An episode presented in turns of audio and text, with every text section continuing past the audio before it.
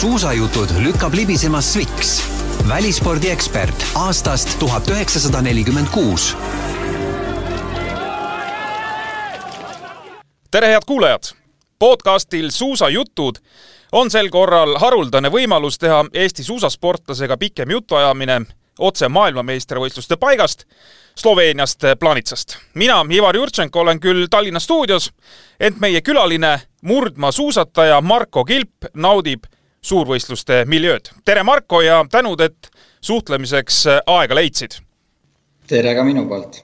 kas võib öelda, Marko, et sa oled jätkuvalt siis äh, selline noorem mees, et äh, võib-olla vanemad mehed enam ei tahaks äh, suurvõistluste käigus lobiseda, aga sul on siis ikka seda noore mehe soolikat veel sees, et äh, võib täitsa ära teha? Võib ära teha küll, aga pigem võib juba öelda niisugust äh, fraasi nagu, et vanameister, ma arvan, et ma olen niisugune Eesti koondise vanameister murdmaasuusatamise siis seltskonnas. no jaa, sa oled ju tegelikult maailmameistrivõistlustel juba viiendat korda. ja vastab tõele jah, oleks isegi kuuendat, aga kaks tuhat kolmteist, aga siis olid olukorrad teised ja siis jäin napilt välja. okei okay,, me jõuame nende tiitlivõistluste ja, ja sinu sõitude juurde kindlasti lähemalt veel, aga võib-olla räägiks alustuseks mõne sõna kohapealsetest oludest äh, Sloveenias. milline see kohapealne rutiin ükskõik, kas nendel maailmameistrivõistlustel või üldse tavaliselt suurvõistlustel välja näeb, et kui sul on nagu tänasel päeval juba mõned eh, distantsid sõidetud, ees ootab, ma saan aru, teatesõit. mida seal vahepealsetel päevadel ja ajal üldse sportlased teevad? No täna ma just eh, hommikupoole tegin intervalltreeningu, et siis valmistuda reedeseks eh, teatesõiduks. aga eks me peame iga päev siin valmis olema, et ja suuskadega tööd tegema, et leida ikkagi vastav suusapaar selleks õigeks päevaks, et et olud on siin drastiliselt muutunud, täna oli miinus neli ja värske lumi, aga kui me mäletame sprindipäeva, siis oli pluss kahe, kaheksa kraadi ja väga vesised olud, et eh, olud on täiesti kardinaalselt muutunud ja, ja suuski käib eh, siis suusakopist läbi ikka suurtest kogustest kas on võimalus eh, seal midagi muud ka teha, kui ainult siis spordiga tegeleda või muud ahvatlused on, on kõik meelega eemale lükatud? no kindlasti need valikud on olemas ja igal inimesel on oma voli neid kõiki teha, aga meie elame sellest nii-öelda sellest Plaanitsa keskusest ise viisteist või kakskümmend minutit eemal, et ja siis meie sinna vahepeale jääb siis see küla, kus on autoasustamine ja kus need kõik muud ahvatlused on, et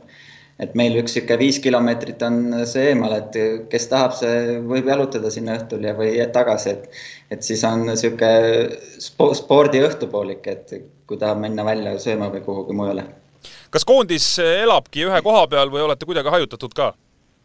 Ei, me elame kõik ühes äh, suures hotellis, et äh, siin on veel teisi, teisi koondiseid ka, et äh, Austraalia on siin, kes kes, keda ma olen siin näinud ja oli veel Iraan, et suure delegatsiooniga, aga nemad on kahjuks oma asjad kokku pakkinud, et nendel jaoks vist on mm läbi saanud. millised need meeleolud siis kohapeal on, pean silmas nii sind personaalselt kui, kui kogu koondist, et kui me nüüd sinust räägime, siis sul on kaks starti selja taga, klassikasprindi kahekümne viies koht ja sprinditeate kaheteistkümnes koht, et millised meeleolud need sulle siis tekitasid? kui ma vaatan neid kahte võistlust tagasi, siis kindlasti ma oleks tahtnud individuaalsprindile samasuguseid jalgu, nagu oli tiimsprindil, et et siis oleks individuaalis kindlasti parem tulemus ja koht olnud, aga aga neid päevi tagasi pöörata ei saa ja, ja sellised olukorrad on, aga mis eh, kõige natuke morjendavam on, et et publikut on eh, oodatud, eh, oodatust kõvasti vähem, et eh, siin igal pool räägitakse piletihindadest, aga see, see on tõesti, ma arvan, et pere jaoks on, kui tulla perega ja kolmsada eurot päeva eest välja käia, siis see on suur summa. Ahaa, nii et väga krõbedad piletihinnad on pandud maailmameistrivõistlustele? jaa, et siin ma olen juba natukene kuulnud ka, et selleks nädalaks või siis lõppepäevaks või viimasteks võistlusteks on tahetud piletihindasid alla tõmmata, kas siis pere omasi või siis ainult ühe võistluse omasi või päeva omasi, et et circa nelikümmend protsenti neid vähendada, et, et ikkagi rahvast tuleks, et et muidu nad veedavad päeva mäesuusatades ja õhtul lähevad baari koos vaatama seda võistluse järgi, et see, see, see ei ole see, aga rahvas iseenesest on nagu, nagu kohal. et naudivad pigem seda afterski meeleolu rohkem kui võistlus ise aga sa oled ju varem ka võistelnud Plaanitsas maailmakarika etappidel, et siis on rahvast olnud rohkem? ja eks Plaanitsa selles mõistes on väga hea koht, kus võistlusi pidada, see on tuntud koht tänu suusahüppajatele, eh, kes on vaadanud siin Lennumäe mm või maailmakarikat, et sihuke kakskümmend tuhat inimest on nagu kohapeal, et täna me räägime lihtsalt poole väiksematest numbritest, et see on natukene selles siis korraldajate poolt natuke möödalaske, et on, on piletihindadega pannud kõvasti puusse, mis, mis veel pealtvaatajaid puudutab, siis majutuse hinnad on ka kahe-kolmekordseks kruvitud, et siin nagu selles mõttes äh, äri osatakse teha, aga samas see kõik peegeldub ka äh, pealtvaataja numbrites võistlustel. kas endal maailmameistrivõistlustele tulles või ütleme, maailmameistrivõistluste ajal nüüd on tekkinud äh, selline soov ka, et saaks mõnda kindlat võistlust ise koha peal vaadata, kas siis suusahüppeid, kahevõistlust jaa, kindlasti on, et eh, suusahüppaja Arti Aegruga ma olen väga hea sõber ja kui mul avaneb selline võimalus, et ma saan ta lipu lehvides alla lasta eh, poomi pealt, siis eh, seda ma kindlasti kasutan, et suusahüpped on väga atraktiivne võistlus ja, ja ja seda ma kindlasti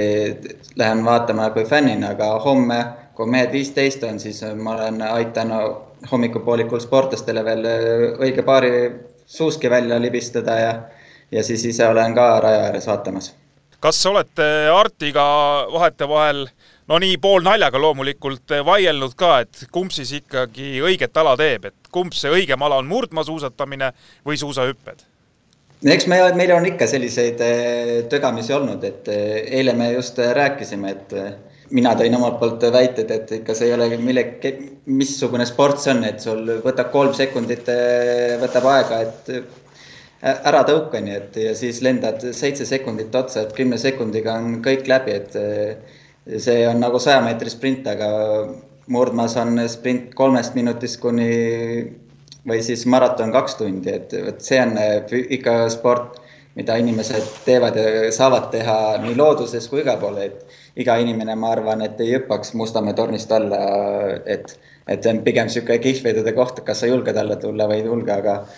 aga kindlasti see suusahüpe tekitab teistsugust adrenaliini, mida minu sees ei ole, et mina kindlasti sealt äh, alla tulla ei jaksa või ei julgeks, et see on, äh, peab olema mune, et sealt ikkagi alla tulla väga hästi jõudsime tegelikult äh, nüüd sellesse kohta, kus ma saan küsida, et sa oled ju Tallinna poiss, eks? no ma olen Tallinna lähe-, Lähistelt pärit. Lähistelt pärit, ahah. et ja. põhimõtteliselt, kui sa ikkagi oleks soovinud noorena, siis oleks Tallinnas need hüpped saanud ju ära teha, eks? Kindlasti oleks saanud, aga kuidas ma suusatamise juurde jõudsin, et eh,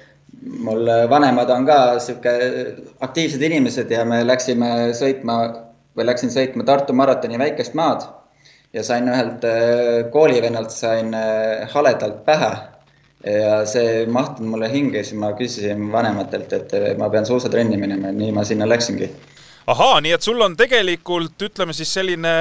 saavutusvajadus või sulle ei meeldi kaotada, mis on tegelikult äh, sportlase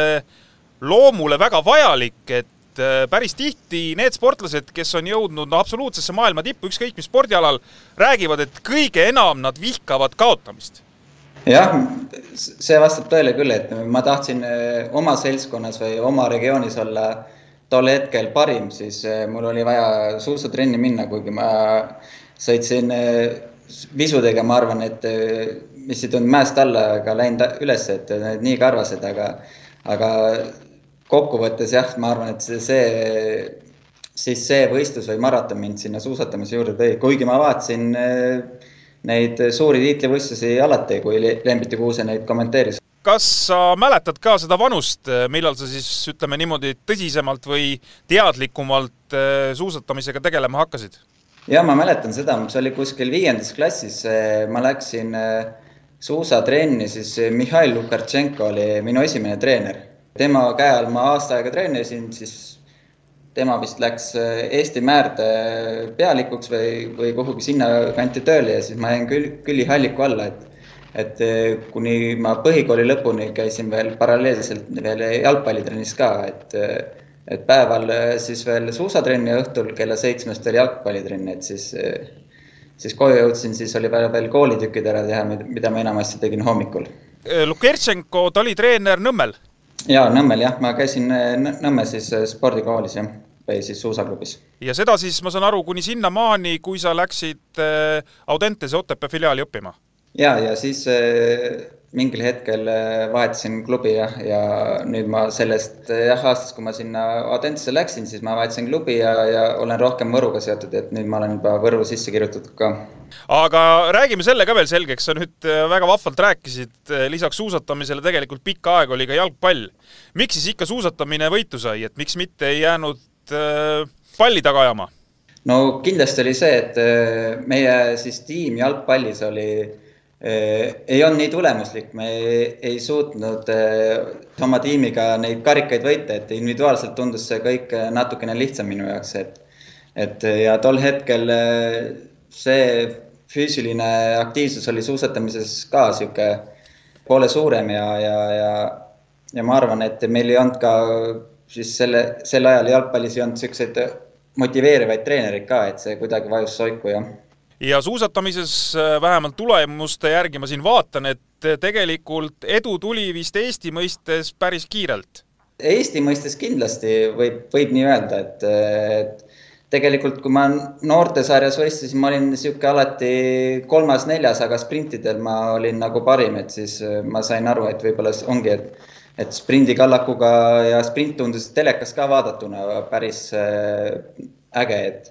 et mehed ei kadunud kuhugi metsa pikaks ajaks ära ja, ja et sprint oli sihuke rohkem publikule ja, ja mulle meeldib just see, et ma saan publikuga vahetult suhelda ja inimestega, et see annab rohkem nagu sihukest lisaadrenaliini juurde.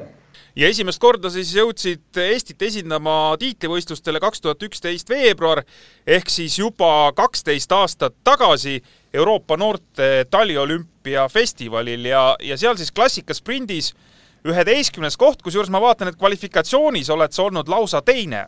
ja seal eh, poolfinaalis eh, juhtus väike äpardus, ma panin eh, põlve maha, et, et ei läinud jah, see poolfinaal ei õnnestunud kõige paremini, et. Aga üldine meeleolu jah, jäi nagu sellest kohe peale, et sellistel suurtel võistlustel ma tahan osaleda, et need väiksed mind väga ei hirmuta, et Kolga Jaani meistrivõistlustel mind väga sõitmas ei näe okei okay., aga kui sa oled kvalifikatsiooni teine, kas siis äh, tekivad tegelikult ju mõtted pähe, et äh, nii, siin võistluses võiks ikkagi ju konkureerida poodiumile? no, no noorena oli kindlasti see, et ja vahed olid, ma arvan, suuremad, et kui oled eelsõidus, oled kõrgel positsioonil, siis on võimalik äh, siis jõuda lihtsamini võib-olla finaali aga kui me mäletame siin sprindivõistlusi, siis kes on kolmekümnendana edasi saanud, on lõpuks ka võitnud, et meestes on natukene või täiskasvanus on natukene teistmoodi, et äh, seal loevad rohkem pisiasjad, et võib-olla kes on, kuidas ennast äh, suutnud paremini mobiliseerida ennast äh, eelsõiduks. aga millal sa tegid maailmakarika debüüdi, sa ise mäletad? See oli äkki, oligi see, seesama aasta, kui Otepääl toimus äh, maailmakarika etapp. ma, ma loodan, et ma päris viimane seal ei olnud, aga kaotus oli vist suur küll. ei, sa päris viimane et, ei olnud äh, kindlasti, seal oli vist umbes, äh, ma nüüd natukene võin eksida, seitsekümmend või seitsekümmend üks meest stardis. sa olid kvalifikatsiooni viiekümne seitsmes, aga, aga vanust oli sul siis kaheksateist alles, nii et tegelikult selline kodune maailmakarika etapp annab ka päris noortele meestele võib-olla võimaluse äh, korra see asi ära nuusutada ja ära proovida. ja, ja ma arvan, et eh, see ongi noortele võib-olla niisugune hea võimalus ennast tõestada ka, et et eh, kui nüüd Tallinnast tuleb maailmakarika etapp, et siis tuleb kindlasti noortele võimalus anda seal võistelda, et ja eestlased on oma korralduslikult poolelt alati teada-tuntud, et ja on suutnud ka rahva sinna nii-öelda rajarda saada, et see annab kindlasti niisugust motivatsiooni neile edasi teha, et võimalusi peab andma ja ma arvan, et kodune maailmakarikas on selleks väga hea koht ma vaatan selles, sellel samal kahe tuhande kaheteistkümnenda aasta maailmakarika etapil Otepääl, kus siis oli klassikasprint, Peeter Kümmel on saanud kolmeteistkümnenda ja Kein Einaste kahekümnenda koha, kui sina olid seal noore mehena. kas, kas Peeter ja Kein näiteks on olnud mingil hetkel ka need mehed, kelle järgi sina joondusid, et noh, tahaks vähemalt saada sama heaks kui nemad ja, ja miks mitte ka paremaks? Jah, Kein oli küll minu, pigem Kein võttis mind väga siukse, kui ma olin noor, siis Kein võttis väga hästi mind oma seltskonda või, või sinna oma nagu aurasse sisse, et me saime Keiniga hästi läbi ja, ja Kein andis mulle head nõud küll, kuidas suusatada kiiremini ja mida selle jaoks tegema peab. Kein oskas suhelda küll noorte inimestega, et väga hindan seda, mida ta tegi kaks tuhat kolmteist juunioride maailmameistrivõistlustel, mis siis suusatajate jaoks on vanus U kakskümmend, oled sa saanud maailmameistrivõistlustel nii kõva koha klassikaspringis kui kuues ja vaatan, et kvalifikatsioonis jällegi lausa kolme hulgas. et eh, kas eh, finaalsõidus midagi juhtus, et sa seal kuuendaks jäid või lihtsalt eh, ütleme siis, ma ei tea, mitmes sõit see juba oli, et selleks hetkeks oli jaks otsas? Ma nüüd natukene meenutan, et seda finaali, et me, see Sondre Turfor Fosli oli vist viies, et sellega me seal suutsime ennast ära mähkida, enda poodiumi võimalused, et, et tulid teised võitjad, aga e eelnevad sõidud näitasid küll sellist, et, et täna võiks medali peale mängida, aga ikka sihuke, kui Liiberetsi, kes rada mäletab, siis sinna staadionile tulles on üks kerge tõus ja, ja eelne, eelnevalt siis on üks laskumine ja siis tõusu alla me panime suusad kokku ja me jäime nagu grupist maha ja, ja ma arvan, et sinna meie poodiumikohad läksid. No kui sa nüüd kümme aastat tagasi olid juunioride MM-il, olid sprindis kuue hulgas, kas äh, selline saavutus äh, ikkagi sportlasele mõjub äh, no sellise teadmisena, et nii, siit on ainult üks samm, õige pea olen ma seal täiskasvanute vahel ja hakkan tegema täpselt samasuguseid sõite. ma päriselt eh, veel nii ei uskunud, sest et eh, kui ma Eesti meistrivõistlustel eh, sõitsin, siis ma sain ikkagi normaalselt läbi klopitud Eesti sprinteritelt, Antilt, Keinilt, Timkalt,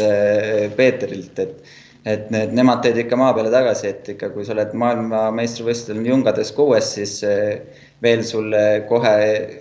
sinna top kolmekümnesse asja pole, et ennem pead sa need mehed ära võitma, kes on eh, kuumas grupis. meil olid siis mehi kuumas grupis küll. aga põhimõtteliselt annab see ikkagi kindlust, et eh, tee on valitud õige? ja, et äh, siht on ju ees, et ega, ega need Eesti mehed nii kaugel ei olnudki, et et mõned aastad hiljem või siis isegi seesama juuniorite aasta, kui ma olin kuues, et oli vist albus oli Skandinaavia karikas, et siis ma tundsin, kui ma panin Timka või, või Anti panin magama, et siis, et ei tundugi nii enam ebareaalne, et oli lihtsalt vaja head suuska ja head päeva ja siis suutsin eh, ka need meie suured mehed magama panna. ja me rääkisime siis aastast eh, kaks tuhat kolmteist eh, kevadest ja vaatan, et järgmised sellised säravamad hetked võib-olla on tulnud kaks tuhat kuusteist kevadel ja, ja hiljem ka sügisel, et, et kaks aastat on kuidagi vahepeal Äh, ütleme, selliste säravamate tulemuste poolest nagu vahele jäänud. et kas see ongi nüüd see periood ja selline ilmekas näide sellest, et et sealt juunioride klassist meeste sekka tulek on ikkagi keeruline? ja, see peale juuniorite aastat äh, esimene sai kindlasti äh, mahtusid ja asju väga palju tõstetud, et ma ei taastunud ka nendest ära ja, ja, järgnev aasta olin, kui hakkas juba minema, siis olin pikalt haige ja, ja ja ei tulnud sellest välja, nii et siis pidime kahe aasta peale siuksed mõnusad korrektuurid tegema, et ja ka kolmandal aastal vist U kakskümmend kolm juba sai enam-vähem jalad alla ja, ja hakkasid jälle tulemused tulema. ja sa olid siis kahe tuhande kuueteistkümnenda aasta U kakskümmend kolm MM-il äh, vabatehnika sprindis siis seekord üheteistkümnes ja kvalifikatsioonis üheksas, mida kindlasti vist võib ka ikkagi kordaminekuks lugeda, kui sa oled maailmameistrivõistluste poolfinaali mees ja, ja, ja kusjuures selle võistlusega oli väga huvitav, et ma jõudsin kohale öösel ja võistlesin ära hommikupoolikul ja, ja sama õhtu panid tagasi, et, et ma pole nii kiiret siis võistlust ja, ja üldse kohalesõitu varem praktiseerinud, et, et aga kuna olud olid väga rasked, ma mäletan, et oli ka samasugused nagu siin plaanitses olid, et pluss kümme või üksteist kraadi sooja ja lume sisse kaevati veekraave, et, et vesi ära jookseks, et sealt seest, et siis eh, ei olnud sinna mõtet nagu ennast kulutama aeglase raja peale minna, et kohe kohale võistlus ja tagasi, et ma arvan, et see toimis väga hästi. see oli siis Rumeenias Rasnovis? jaa ma isegi ei testinud eh, enne võistlusi suuski, mäletan Tarvi Kuus või kes meil oli seal, et nemad testisid minu jaoks suusad välja ja panin need alla ja panin minema tuld, et eh, vahepeal ei ole mõtet ennast nii mõttetult kulutada, et kui olud on rasked ja lund ei ole, kust eh, treenida, nii et ei ole mõtet vara kohale minna. maailmameistrivõistluste debüüdi sa tegid siis kaks tuhat viisteist? jaa, tegin küll jah, ka Falunis oli see. et aga sealt äh sellist äh, head märki maha ei saanud või enda jaoks ikkagi midagi said? no vaadates, mis ennem nädal oli, oli seal kuskil Östersundis oli ka maailmakarika ees, et seal ma olin mingi kaheksakümmend ja nädalaga suutsin ennast nii palju mobiliseerida, et olin sinna kolmekümne viie juurde, et see andis küll mulle sellist eh, head enesetunnet, et, et tasub veel teha ja proovida, et ja mis kaks aastat varem oli, et eh, oli ka kvalifikatsioonivõistlus oli Valdi Femme MM-iks, et, et siis kuidagi treenerite jäin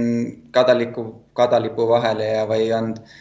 siis selle treeneri sportlane, et öeldi küll, et on katsevõistlusel kuskil Toblachis ennem Valdi Femmet, aga seda lõpuks ei tulnud. ja lõpuks ma nii meeskonda ei saanudki, et see oli Skandinaavia karikas, kus ma olin lõpuks olin neljas, et et siis mäletan, et meedias oli küll, tehti Marko Kilbi fännpage'id ja Marko Kilbi toetuseks, et see, see oli sihuke eh, päris kurb hetk, et mäletan, et kui Siim Selliks jäi haigeks ja, ja, ja Raido Ränkel, kes läks sprinti sõitma, sõitis vahetult ennem eh, Tartu maratoni läbi, siis ma vaatasin küll, et et kes seal nagu mõtleb, et oleks võinud ju minu saata, et siis ma olin küll pettunud, et ma tundsin, et ma pean veel proovima ja ja Faluni aasta küll ei alanud hästi, aga, aga lõpuks kolmkümmend viis ei olnud paha, sest see oli minu tiitlivõistluste äh, nagu debüüt ja, ja ma mäletan, ega see öö väga kerge ei olnud, et, et äh, neid unetunde väga, väga palju tundsin, sest magama jäämisega oli suhteliselt keeruline. Kas võib öelda, et esimene sähvatus, äh, päris korralik sähvatus meeste hulgas tuli kaks tuhat kuusteist november maailmakarika etappe hooaja algus Rugal, sa oled klassikasprindi kolmeteistkümnes. Kvalifikatsiooni seitsmeteistkümnes mees, aga suutsid siis veerandfinaalis kohta pisut parandada. ja, ja tegelikult jah, see aasta varem mul oli vorm võib-olla isegi parem, aga olid rasked olud ja, ja sain sealt mäest üles, aga siuksed pakud tulid alla, et nendega oleks võinud teletorni ronida, et ma ei saanud nendest lahti, et koperdasin seal nii palju aega ära, et lõpuks ei saanudki edasi ja ja, ja ma arvan, et niisugust vormi rohkem nagu aasta varem ei tulnudki, et kus oleks võinud kolmekümne sisse sõita, aga järgneval aastal jah, olid, olid uus suusabränd ja, ja, ja sellega läks, hakkas need tulemused ka paranema. nii et midagi ei ole teha, ikka suusk peab ka jalas olema? ja, et alati ei saa nii, et mees on küll, aga suuska ei, ei aita järgi, siis eestlaste puhul on natukene ikka see, et mõlemad peavad head olema, siis on kindla peale minek ma vaatan üldse, et äh, siin äh, nüüd, kui edaspidi sellest äh, kaks tuhat kuusteist ja hiljem vaadata, siis Ruga maailmakarika etapil hooaja alguses sa oled päris mitmel aastal väga kenasti pildil. siin kaks tuhat seitseteist üheteistkümnes koht, kaks tuhat üheksateist seitsmeteistkümnes koht ja nii edasi. et mm -hmm. sa oled justkui hooaja alguseks väga hästi valmis olnud aga miks sellist väga head jätku ei ole pahatihti tulnud? no eks see Ruga rada on üks eh, profiililt mulle kõige sobilikum ka, et eh, teistel maailmakarika radad, rajad võib-olla nii hästi ei sobigi, et, et eh, on algus kiirelt alla ja suuskadega jooksele nukki ja pikalt alla ja veel suuskadega jooksmised. Mul iseenesest sihuke suuskadega jooksmine sobib, et sihuke kiire vahelduv mul nii hästi võib-olla välja ei tule, et et Rugal on mul kindlasti võib-olla eelis, et, et ma oskan nende puidust laudadega kiiresti mäest üles joosta. nii et äh, kui sa kusagil peaksid veel elutulemuse tegema, loodetavasti see alles tuleb, et siis ja. suure tõenäosusega on see Rugal? see võib nii juhtuda küll, et et samas kui Korea olümpial oli ka sihuke, kus pidi suuskadega jooksma, et ma arvan, et seal ma olin ka suhteliselt, suhteliselt tubli, et enda kohta, et, et pigem jah, profiil peab sobima, siis on head võimalust teha. ja, aga lähemegi selle olümpia juurde siis PyeongChang kaks tuhat kaheksateist. sa oled siis kahel korral olümpial käinud ja see oli su olümpiadebüüt. neli aastat hiljem Pekingis olid ka ja sa olid tõesti seal ikkagi väga tubli, seitsmeteistkümnes koht klassikasprindis, kusjuures siis veerandfinaalis sa sõitsid koos selliste meestega Federico Pellegrino kes teie veerandfinaali võitis ja sai lõpuks hõbeda. Paul Kolberg, norralane, oli teie veerandfinaali teine, sai lõpuks neljanda koha. Ja fotofinišis sa jäid siis alla veel tookord ka Kalle Halvarssonile, kes on ka ikkagi väga kõva nimi. et eh, sul sattus olema ka noh, ütleme tulemusi vaadates, lõpptulemusi vaadates päris, päris keeruline veerandfinaal. No tol hetkel äh, ma olin päris enesekindel, et ma vaatasingi, et äh, millisesse sõitu ma ennast paigutan. Ja paigutasin, kus olid siuksed, ma teadsin, et kui nemad tahavad edasi saada, peab kiire sõit olema. Ja me olimegi Halvarsoniga lucky loser'id kuni viimase sõiduni, aga kuna seal oli väga tuuline, siis äh, viimasel sõidul ei olnud siis nii-öelda laskumisel ei olnud vastutuult, et tuul kadus selleks hetkeks ära ja me jäime ülinapilt lucky loser itest ilma, nii et noh, me seal istusime ja ootasime, vaatasime üksteisele otsa, et kas me saame või ei saa, aga tuli Martti Hülhe viiendast sõidust ja sai Lucky Loserini edasi, kuigi tema kindlasti meist parem ei olnud sel päeval. nii et seal jäi, ütleme siis võib-olla isegi natukene sellisest sportlikust õnnest puudu? ja kindlasti, et seal oli tuul oli ikka väga suure määrava rolliga just sprindis jah, et puhus need klassikasooned täis, et pidid otsima soonte vahelt seda kiiremat lund, et, et sealt puhus igast asju, mis ette juhtus. Kui me nüüd jõudsime siia veerandfinaali, sa ütlesid, et äh, valisin ennast sinna veerandfinaali, et kui, kui seal tuleb kiire sõit, et siis äkki saaks äh, ajaga edasi. et äh, kuidas sulle see muutus on meeldinud, et tuleb ennast siis ise valida veerandfinaali, et vanasti paigutati, said kvalifikatsioonis koha, siis oli teada, kellega sa põhimõtteliselt ju sõitma lähed, et numbrid jaotati veerandfinaalide peale ära. tänasel päeval tuleb valida, et kumb variant sulle endale rohkem meeldib? No eks tegelikult selle uue formaadi võib-olla pluss ongi see, et, et kui sa teed enam-vähem niisuguse äh, või oled ees, eesotsas oma eelsõiduga, siis sa saad valida endale nii-öelda siis kellega sõitma lähed ka enamasti on need nimed samad, et ja sa näed, et kuidas ta on seal eelneval päeval liikunud, et sa tead tema võimed, et et siis sa saad kindlasti mingid see, need valikud teha, aga mis vanasse formaati puutub, et eh, siis ei olnud sellest mingit proovimist ega midagi, et siis panid nii, kus oli. kui me rääkisime olümpiamängudest, siis individuaalne parim koht sul seitseteist PyeongChangist ja nii nagu sa juba siin ka selgitasid, et tegelikult sellest poolfinaali kohast väga palju puudu ei jäänud. maailmameistrivõistlustel on sinu parim koht kahe tuhande kahekümne esimese aasta Oberstdorfi MM-ilt klassikasprindi kakskümmend. jah, on küll. et sel korral seda ületada ei õnnestunud, sa oled siin kommentaare jaganud eh, pärast maailmameistrivõistluste sprindi starti noh, paljudele väljaannetele, et eh, kas see kakskümmend ja kakskümmend viis on, on selline võrdlus, et tegelikult sa oled nagu enam-vähem samal tasemel, aga no ongi, et üks koht lihtsalt veerandfinaalis ja, ja siis äh, on see number natukene, ütleme, tagapool, oled korra nat-, ühe koha kõrgemal veerandfinaalis, on see koht äh, noh, viie või kuue jagu eespool. no nii on jah, oleks ühe koha veel, ühe inimese suutnud veel ära võtta, oleks kakskümmend olnud, et aga jah, suures pildis need kohad ei ole sellised, et äh, millegagi siin pärast hõisata, et kui ikkagi viieteist või kümne juured ei ole, et siis, siis äh, peab ikka tööd tegema edasi, et, et seda rahulolu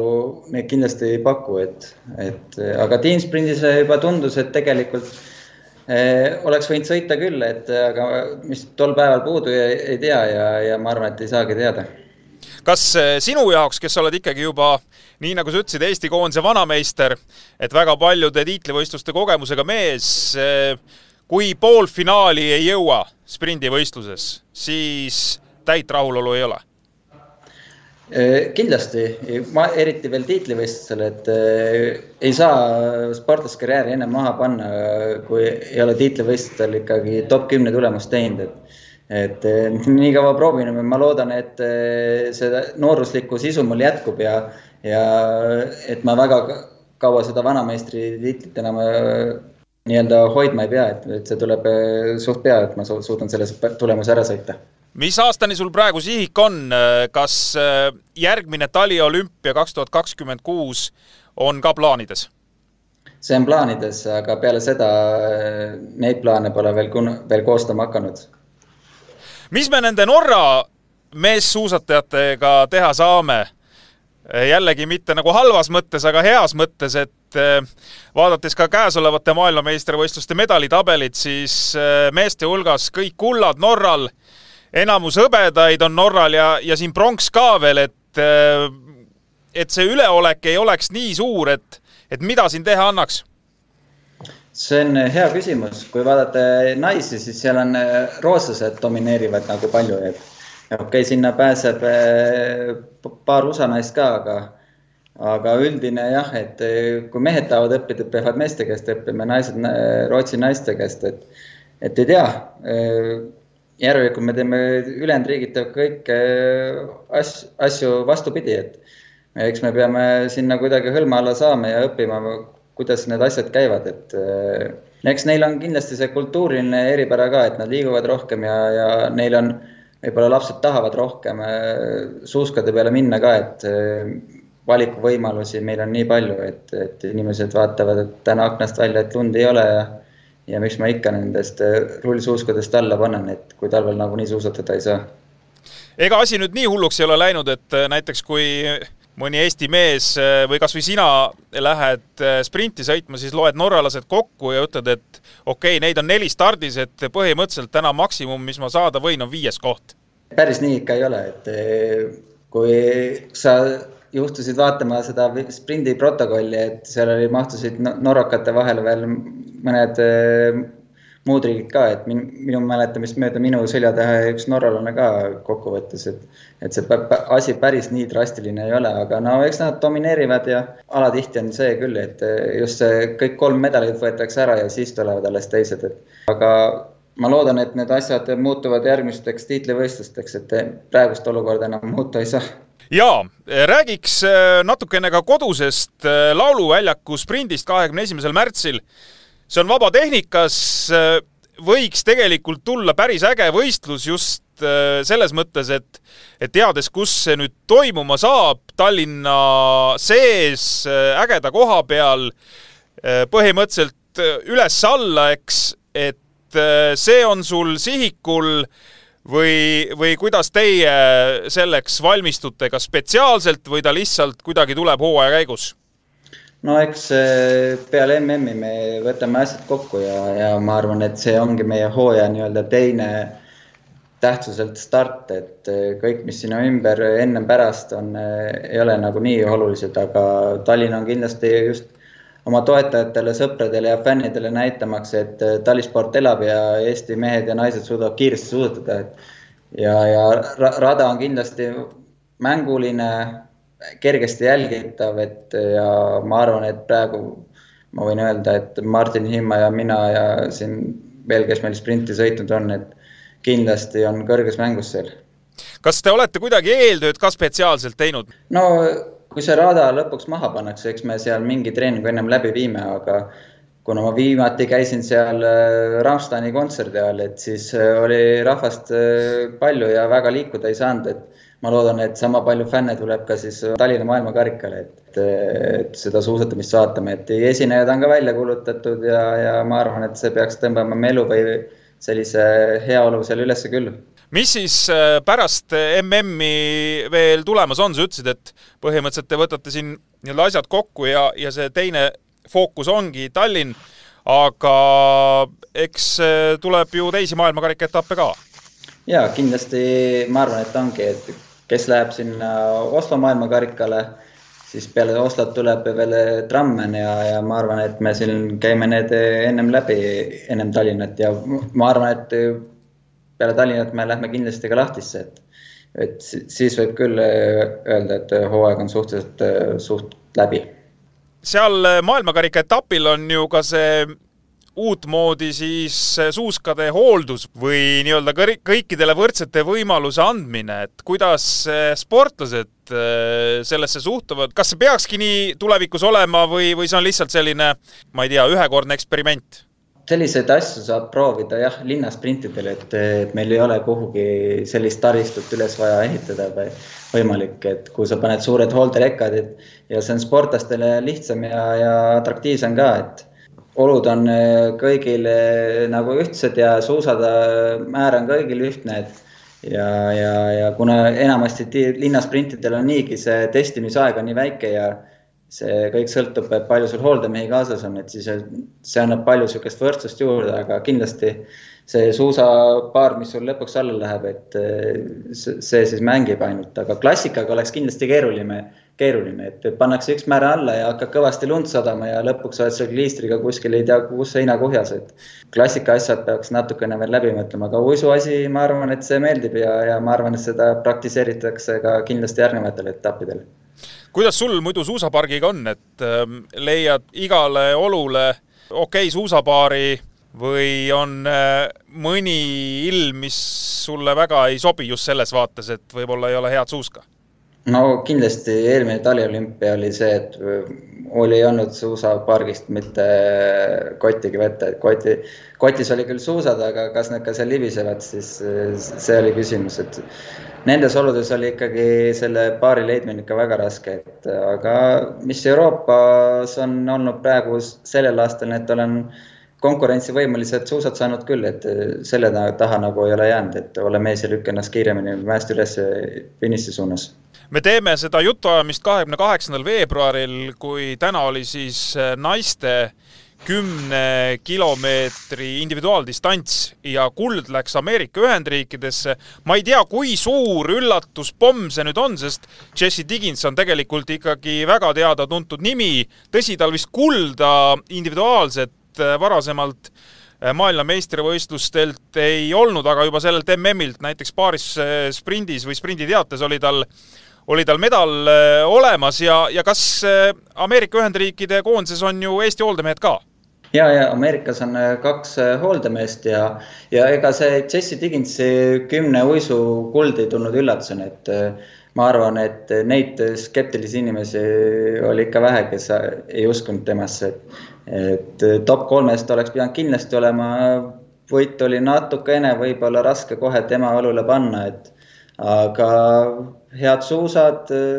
hea päev ja nii see tulemus tuleb, et top kolmes oli, ma arvan, ta kõikides ennustustes. kas meeste hulgas, kui me nüüd räägime veel MM-ist, siis tuleb ka mõni kullariik Norra kõrvale? Tahaks loota küll, et äh, meil on äh, viiskümmend klassikat on kindlasti tulemas, äh, on Ivo Niskanen ja meil on tegelikult homme võib William Poromaa sõita kindlasti väga kiiresti ja mõni äkki prantslane üllatab ennast hea sõiduga. et nende kodusel etapil nad olid ikkagi väga hästi sõitsid. kas sportlased mitte üldse selles vaates, et kas Venemaa käitub Ukrainaga õigesti või mitte, minu meelest siin on kõik väga selge et äh, niikaua, kui Venemaa agressioon Ukrainas jätkub, siis sportlased äh, võistlema tulla ei tohiks, äh, nii Venemaa kui Valgevene, aga lihtsalt põhimõtteliselt ma küsin, kui konkurentsi tiheduse mõttes, kas venelaste puudumine on teinud selle võistluse kuidagi teistsuguseks ka? jaa, eks eelnevad võistlused on alati, neil on nagu oleks kass omavahel läbi jooksnud, et norralastel või, või venelastelt, et et seda nagu intriigi või adrenaliini on nagu vähem, aga ega midagi teha ei ole. tuleb leppida selle olukorraga, et neid ei ole. mis hakkab juhtuma Eesti koondise vaates nelja korda kümne kilomeetri teatesõidus, kus siis kaks vahetusklassikat, kaks vabatehnikas ja ma saan aru, et meeskond ikkagi paigas juba, eks? Ei ole paigas. ei ole veel, ahah. ei ole paigas, et mehed on kohal, keegi ei tea, kes, mis vahetus sõidab, et kui me läksime tiimsprinti sõitma Martin Himmaga, siis Aivar ütles, et äh, sina oled esimene ja, ja Himma on teine, et siin mingit vastuvaidlemist ei ole, aga eks kindlasti ta teab, kuidas sportlased sõidavad, mis on nende tulemused siin MM-il olnud, et kes kuhu, millist vahetust panna, et aga siin jah, võib-olla väga suuri erinevusi ei tule. olete. võrreldes, võrreldes siis Toblachi maailmakarika etapiga. olete mingi märgi ka maha pannud enda jaoks? no kindlasti see tiimsprindi koht tuleks üle sõita, aga kui oled juba kuulnud siin Poola alt olin niisugust siseinfot, et, et nemad võib-olla tiimi sellepärast välja ei pane, et Norra on nii tugev, et kardavad ringiga saada, et tõmbavad endale nii-öelda mainele vett peale, et ja, ja siin on teisi riike ka, et kes hoiavad siis tugevamad sportlased ei, ei lähe tiimi sõitma, et hoiavad ennast nii-öelda viiekümneks klassikaks siis, et, et ma ei tea, kas see annab jõudu või juurde või, või, või kuidas sellega on, et aga teatakse, et Norra on nii tugev, et, et eks ta kulla võtab, et meil ei ole üldse vaja täna suusakopist välja minnagi. sa oled nüüd viiel MM-il osalenud ja see viies MM sul käib. kas sa saad öelda praegu, et mõni MM nendest on olnud noh, täiesti eriline, täiesti teistsugune sinu jaoks, ükskõik mis põhjustel? kõiki MM-e võrreldes on äh, kui ma esimene MM-il olin debutant, siis äh, järgmisel MM-il suutsin äh, vahetult ennem haigeks jääda, sest et äh, kui ma tulin äh, või läksin Koreas siis eelolümpiale, et kõikidel eelnevatel etappidel olin olnud neljakümne sees, et klassikasprindid kõik edasi saanud ja, ja suutsin ennem MM-i haigestuda, et ja mis järgmine tuli Seefeld, siis Seefeldis on omad lood ja ja peale Seefeldi Oberstdorf, et siis oli publikuta ja hästi palju testimisi ja nüüd on publik olemas ja soojad ilmad ja nüüd tundub kõik justkui sportlase jaoks äh, sobivat. Need Seefeldi lood äh, lõidsid kuidagi rivist välja ka või sa suutsid need äh, suhteliselt kiirelt nagu peast lahti lasta, et olid sellised asjad, mind need ei puuduta ja mis seal ikka, et mina teen oma asja edasi ja no mis sinna jah, et kui mina olin juba tegelikult Tallinnas, kui mehed pidid starti minema, et ma lugesin meediast, et et neli meest on liitnud starti ja, ja mis toimub, et siis teleka taha jõudes siis muust ei räägitudki ja, ja eks see telefon oli ka minul punane, aga ma olin juba, läksin peale tiimsprinti koju ja minu, minul seal rohkem midagi teha ei olnud vaja, et tavatead, et sa pidid sõitma teised mehed. sellele jamale nii-öelda Eesti suusaspordis tegelikult ju tuli sportlaste jaoks veel üks päris paha periood ja mitte ainult sportlaste jaoks, vaid üldse kõigi jaoks tuli see Covidi või koroona periood. et äh, kuidas see mõjutas näiteks äh, sind ennast, kas ka läks kuidagi, ütleme noh, nii-öelda lihtsamalt või oli mingil hetkel ka päris valulik selles plaanis, et ma ei tea, tuli laagreid ära jätta, võistlustel ei saanud käia ja nii edasi? no eks see võistluskalendriga oli suhteliselt selge, et mis võistlused toimuvad ja mis ei toimu, aga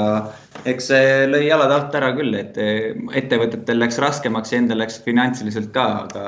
kui esimene, esimese aasta elasid üle, siis järgmine aasta, olümpiaasta, siis olid vaimselt sellest kõigest virvarrist nii väsinud, et ei suutnudki ennast hästi mobiliseerida. aga see aasta on vabam ja, ja meeleolu on parem ja kõik, kõik tundub, jookseb paremini, et äh, täitsa nagu spordi moodi, et eel, eelmine kord tegid seda, ei olnud vahet, kas olid tiitlivõistlusel või olid äh, mets, Harku metsas suusatamas, et sama palju rahvast oli igal pool. kui me hakkame, Marko, nüüd juttu vaikselt kokku tõmbama, siis sinu käest on hea küsida ka sellist asja, kuna sa oled, nii nagu me rääkinud oleme siin juba äh, Äh, vaata, et äh, kaksteist aastat, jah, ongi kaksteist aastat äh, Eestit siin vahelduva eduga esindanud ka tiitlivõistlustel, alates siis sellest noorte taliolümpiafestivalist, et hästi pikka aega oled tegelikult Eesti suusatamises juba, juba olnud. mis seisus Eesti suusatamine nagu tänasel päeval on, võrreldes näiteks sellesama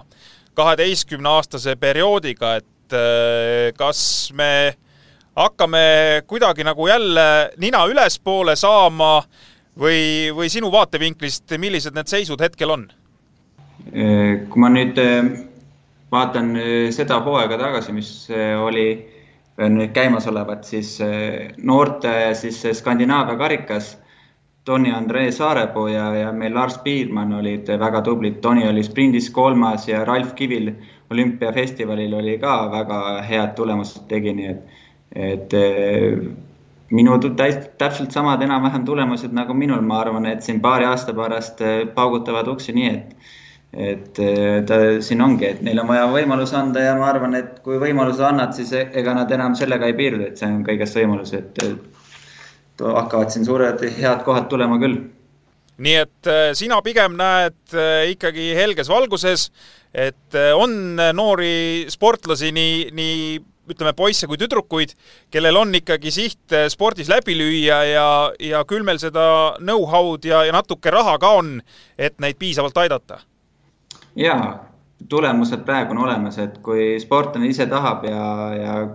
ja kui need tulemused veel paranevad, siis küll need eh, sponsorid tulevad seda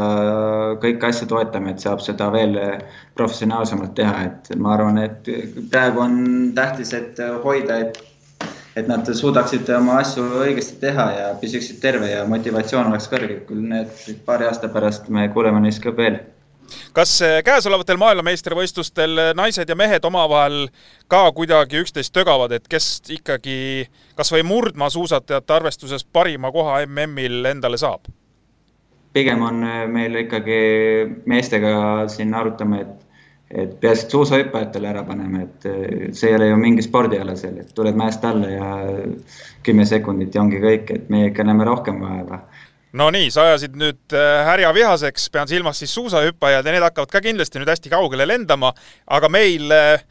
spordisõpradena ei ole selle vastu loomulikult midagi, nüüd te olete ise lihtsalt murdmaasuusatajatena vähe raskemas seisus. Ja kas Eesti tuleb maailmameistrivõistlustelt ära ka medaliga, mis on sinu prognoos, ma eelkõige siis loomulikult pean silmas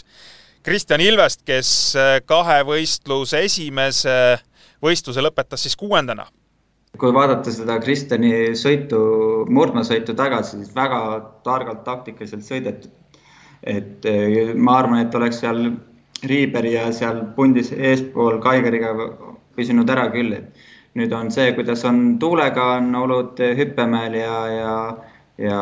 et ilusti ka kontrollist läbi saaks, et siis ja, ja suudab ajastada ka, nii et ja kui seal kõik hästi läheb, siis on top kolmes, siis ma siis mina olen juba lipuga teda finišis ootamas. no loodame kõik, et äh, läheb äh, väga hästi. tänud, Marko, selle pikema jutuajamise eest maailmameistrivõistluste paigast Plaanitsast ja, ja teile loomulikult, äh, sulle siis edu selleks teatesõiduks, et et neli korda kümme kilomeetrit, hoidke lippu kõrgel. ja aitäh, proovime.